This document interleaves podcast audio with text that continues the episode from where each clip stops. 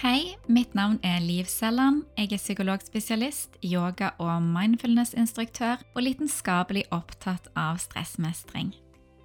Dette er podkasten Overskuddsliv, en podkast som vil gi deg kunnskapen og motivasjonen til god stressmestring, sånn at du kan leve ditt beste liv med overskudd til det du ønsker.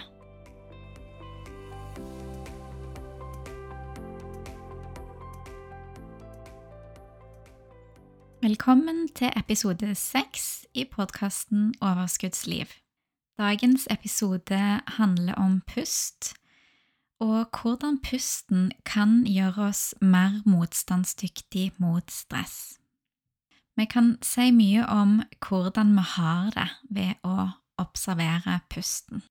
Kanskje kjenner du deg sjøl igjen i dette, at du puster raskere under stress eller at du gjerne holder pusten eller puster veldig overfladisk. Kanskje du hever øvre bryst eller skuldre når du puster, spenner magen, eller gjør andre ting som hemmer pusten. Følelser de påvirker hvordan vi puster.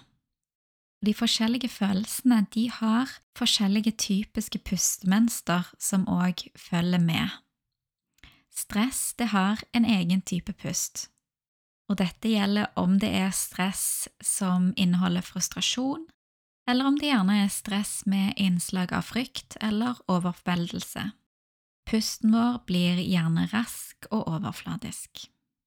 Det at en har sett en sånn sammenheng mellom pusten og følelser, har òg ført oss til kunnskap om at vi kan bruke pusten til å påvirke våre følelser og til å påvirke vårt stressnivå. Det er faktisk sånn at vi kan puste oss roligere, eller vi kan puste oss stressa. Du kan gjerne prøve dette sjøl. Eh, prøv om du kan ha å og gjøre hurtige, korte pust i noen minutter, og kjenn hva det gjør med kroppen din. Etterpå så kan du prøve lange, rolige pust i noen minutter og kjenne etter hva dette gjør. Du trenger kanskje ikke å prøve dette engang for å vite. Mange av oss vet intuitivt at rolig pust, det roer meg ned. For å beskrive hvordan pusten virker inn på følelser og aktivering eller nedregulering, så vil jeg først si litt om en del av nervesystemet som kalles for det autonome nervesystemet. Det autonome nervesystemet det er den delen av nervesystemet som vi har begrensa innvirkningskraft på. Sånn som Det motoriske nervesystemet det gjør at du, der kan du bevege en arm, eller vi har veldig sånn viljestyrt og direkte innvirkning på det mens det autonome nervesystemet det styres sjøl, det styres av hjernen din, men ikke av din vilje. Det autonome nervesystemet det er delt i to hoveddeler. Den første delen den kalles det sympatiske nervesystemet. Det sympatiske nervesystemet det aktiverer oss. Når dette her er aktivt, så skilles det ut stresshormoner, Blodet blir omdirigert til muskler, og vi blir aktivert. Vi blir klare til å kjempe eller å flykte fra fare. Det er denne sympatiske aktiveringen vi for det meste forbinder med stressresponsen. Den andre delen av det autonome nervesystemet det er den parasympatiske delen. Den parasympatiske delen den består hovedsakelig av vagusnerven, og når denne delen er aktivert, så roer det deg ned. Det gir bedre blodsirkulasjon til fordøyelsen og til hjernen, og det gir kroppen din en mulighet til å restituere og til å hente seg inn igjen. Disse to delene av det autonome nervesystemet de veksler til enhver tid på hvem som dominerer. Det er ingen av de som er helt avskrudd, men det er sånn at når den ene er mer aktiv, så nedreguleres den andre. og et sunt nervesystem det vil effektivt kunne veksle mellom disse, alt etter hva krav som vi står overfor i vår hverdag. Problemet for mange i dag, og grunnen til at vi får stressrelaterte plager, det er at vi er altfor mye i sympatisk aktivering. At det sympatiske nervesystemet vårt det har blitt trigga så mye at det er oversensitivisert, og at det er mer aktivert enn det parasympatiske, og at vi er her for lenge. Dette gir, kan gi stressrelaterte helseplager. Tidligere så har vi bare kunnet måle denne sympatiske delen, og det er ved å se på blant annet forhøya hjerterytme, svette, muskelspenninger men i nyere tid så har en òg funnet en måte å måle den parasympatiske delen på, altså vagusnerven sin aktivitet, ved å bruke et mål som kalles HRV, eller hjerterytmevariabilitet. Dette har du kanskje hørt om, eller det kan være det er et helt nytt begrep for deg. Jeg skal forklare kort hva HRV er, for deg som er opptatt av disse detaljene, men det er ikke nødvendig å vite for å være med videre i denne episoden og lære det du trenger å lære for å bruke pust som et effektivt verktøy. Så om informasjonen blir litt overveldende, så zoom gjerne litt ut det neste minuttet. HRV står altså for hjerterytmevariabilitet, og det er variasjonen på intervallene mellom hjerteslagene dine. Høy HRV, altså en stor variasjon på disse intervallene, det er et tegn på høy aktivitet i vagusnerven og det parasympatiske nervesystemet. Høy HRV er forbundet med bedre fysisk og psykisk helse og en større motstandsdyktighet mot stress. Lav HRV, det vil si at intervallene mellom hjerteslagene dine er veldig like, du har veldig jevne slag. Det er forbundet med en lavere stresstoleranse og generelt dårligere helse, både fysisk og psykisk. Altså litt motsatt av det vi kanskje ville tenkt, at veldig jevne hjerteslag altså ikke er et bra tegn. Disse variasjonene er så små at det er ikke mulig å kjenne dem ved å ta pulsen. De må måles med målere som er egnet for å avdekke HRV. Og ved å måle HRV med EKG, det er jo et mål som måler aktiviteten i hjertet Ved å måle HRV med EKG under pusteøvelser, så har forskere sett at måten vi puster på, det virker direkte inn på nervesystemet ditt. Vi ser tydelig det de fleste av oss allerede intuitivt vet, at lange dype, rolige pust, det roer kroppen. Det vi òg har sett når vi måler aktiviteten i hjertet samtidig som vi måler pusterytmen, er at det parasympatiske nervesystemet ditt og vagusnerven aktiveres ekstra mye når du puster ut. Ved utpust så legger vagus en brems på hjertet ditt som roer pulsen. Når du puster inn, så slippes denne bremsen opp, og hjertet slår litt raskere. Når vi senker pusterytmen, kan vi se dette tydeligere. Hjerterytmen går opp mye på det lange innpustet når bremsen slippes opp, for så å gå ned like mye på det lange utpustet når bremsen presses ned. Studier viser at bare noen minutter med denne type pust òg øker HRV, som da var bra. Det er positivt med en høyere HRV. Når vi har en dårlig fungerende vagusnerve, som gjerne kan komme av langtidsstress. Da kan vi se at denne bremsen på hjertet virker litt dårligere. Men den gode nyheten er at ved å trene på pusteøvelser i form av rolig pust, hvor du puster litt lenger utpust enn du puster innpust, så kan vi igjen trene opp vagusnerven og altså trene opp denne bremsen. Og forskere som har sett på dette, de sier at det er ikke så mye som skal til. Bare ti minutter daglig med denne type pusteøvelser kan gi store helseeffekter, og da spesielt en reduksjon av stressrelaterte helseplager. Når vi skal gjøre pusteøvelser som effektivt roer ned, så skal vi derfor praktisere lengre utpust enn innpust. Men vi skal òg ha fokus på å roe ned hele pustemønsteret, sånn at vi puster litt færre pust i minuttet enn det vi gjør til vanlig. Studier på personer som er godt trent i meditasjon og yoga, har vist at jo mer erfarne disse var, desto saktere pusta de under avspenning eller meditasjon.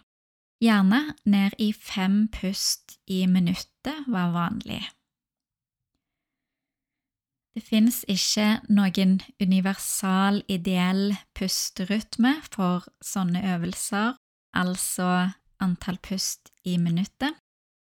Din ideelle pusterytme kan variere litt fra min, men det vi vet, at generelt saktere pusting som har fokus på å fylle nedre del av lungene, og dermed heve magen lett med lange utpust, er et godt mål å sikte etter. Forskere de kaller din ideelle pusterytme for din pusteresonansfrekvens. Og når du har funnet denne, så vil denne være den samme livet ut. Måten vi finner vår pusteresonansfrekvens, det er å måle HRV under pusteøvelser. Den pusterytmen som gir den høyeste HRV, det er den som er ideell for deg. Den aller vanligste rytmen den er på omkring fem eller seks pust i minuttet, og altså med et litt lengre utpust enn innpust. Om du er nysgjerrig på å prøve denne type pusterytme, så kan du gå til øvelser i Stressportalen og til pusteøvelser og sjekke ut øvelsen resonanspust fem pust i minuttet. Kjenn etter hva denne øvelsen gjør med deg. Om det føles godt, og om den roer kroppen din, så er det en god øvelse for deg. Det er ikke alle som har anledning til å måle HRV når en gjør pusteøvelse. Det har i hvert fall ikke jeg hatt anledning til å gjøre, men det som føles godt for deg, det er en veldig god pekepinn på om det er bra for deg. I pusteøvelsene, som jeg òg har liggende i stressportalen, som kalles for lange, dype pust, da guider jeg deg i lange, dype pust med lengre utpust, men sier ikke når du skal puste inn og ut. Dette er fordi at du da kan fritt velge ditt eget pustemønster etter det som faller naturlig for deg. Og mange syns at denne type pusteøvelser er veldig fine og at de da etter hvert havner inn i et mønster som er veldig godt.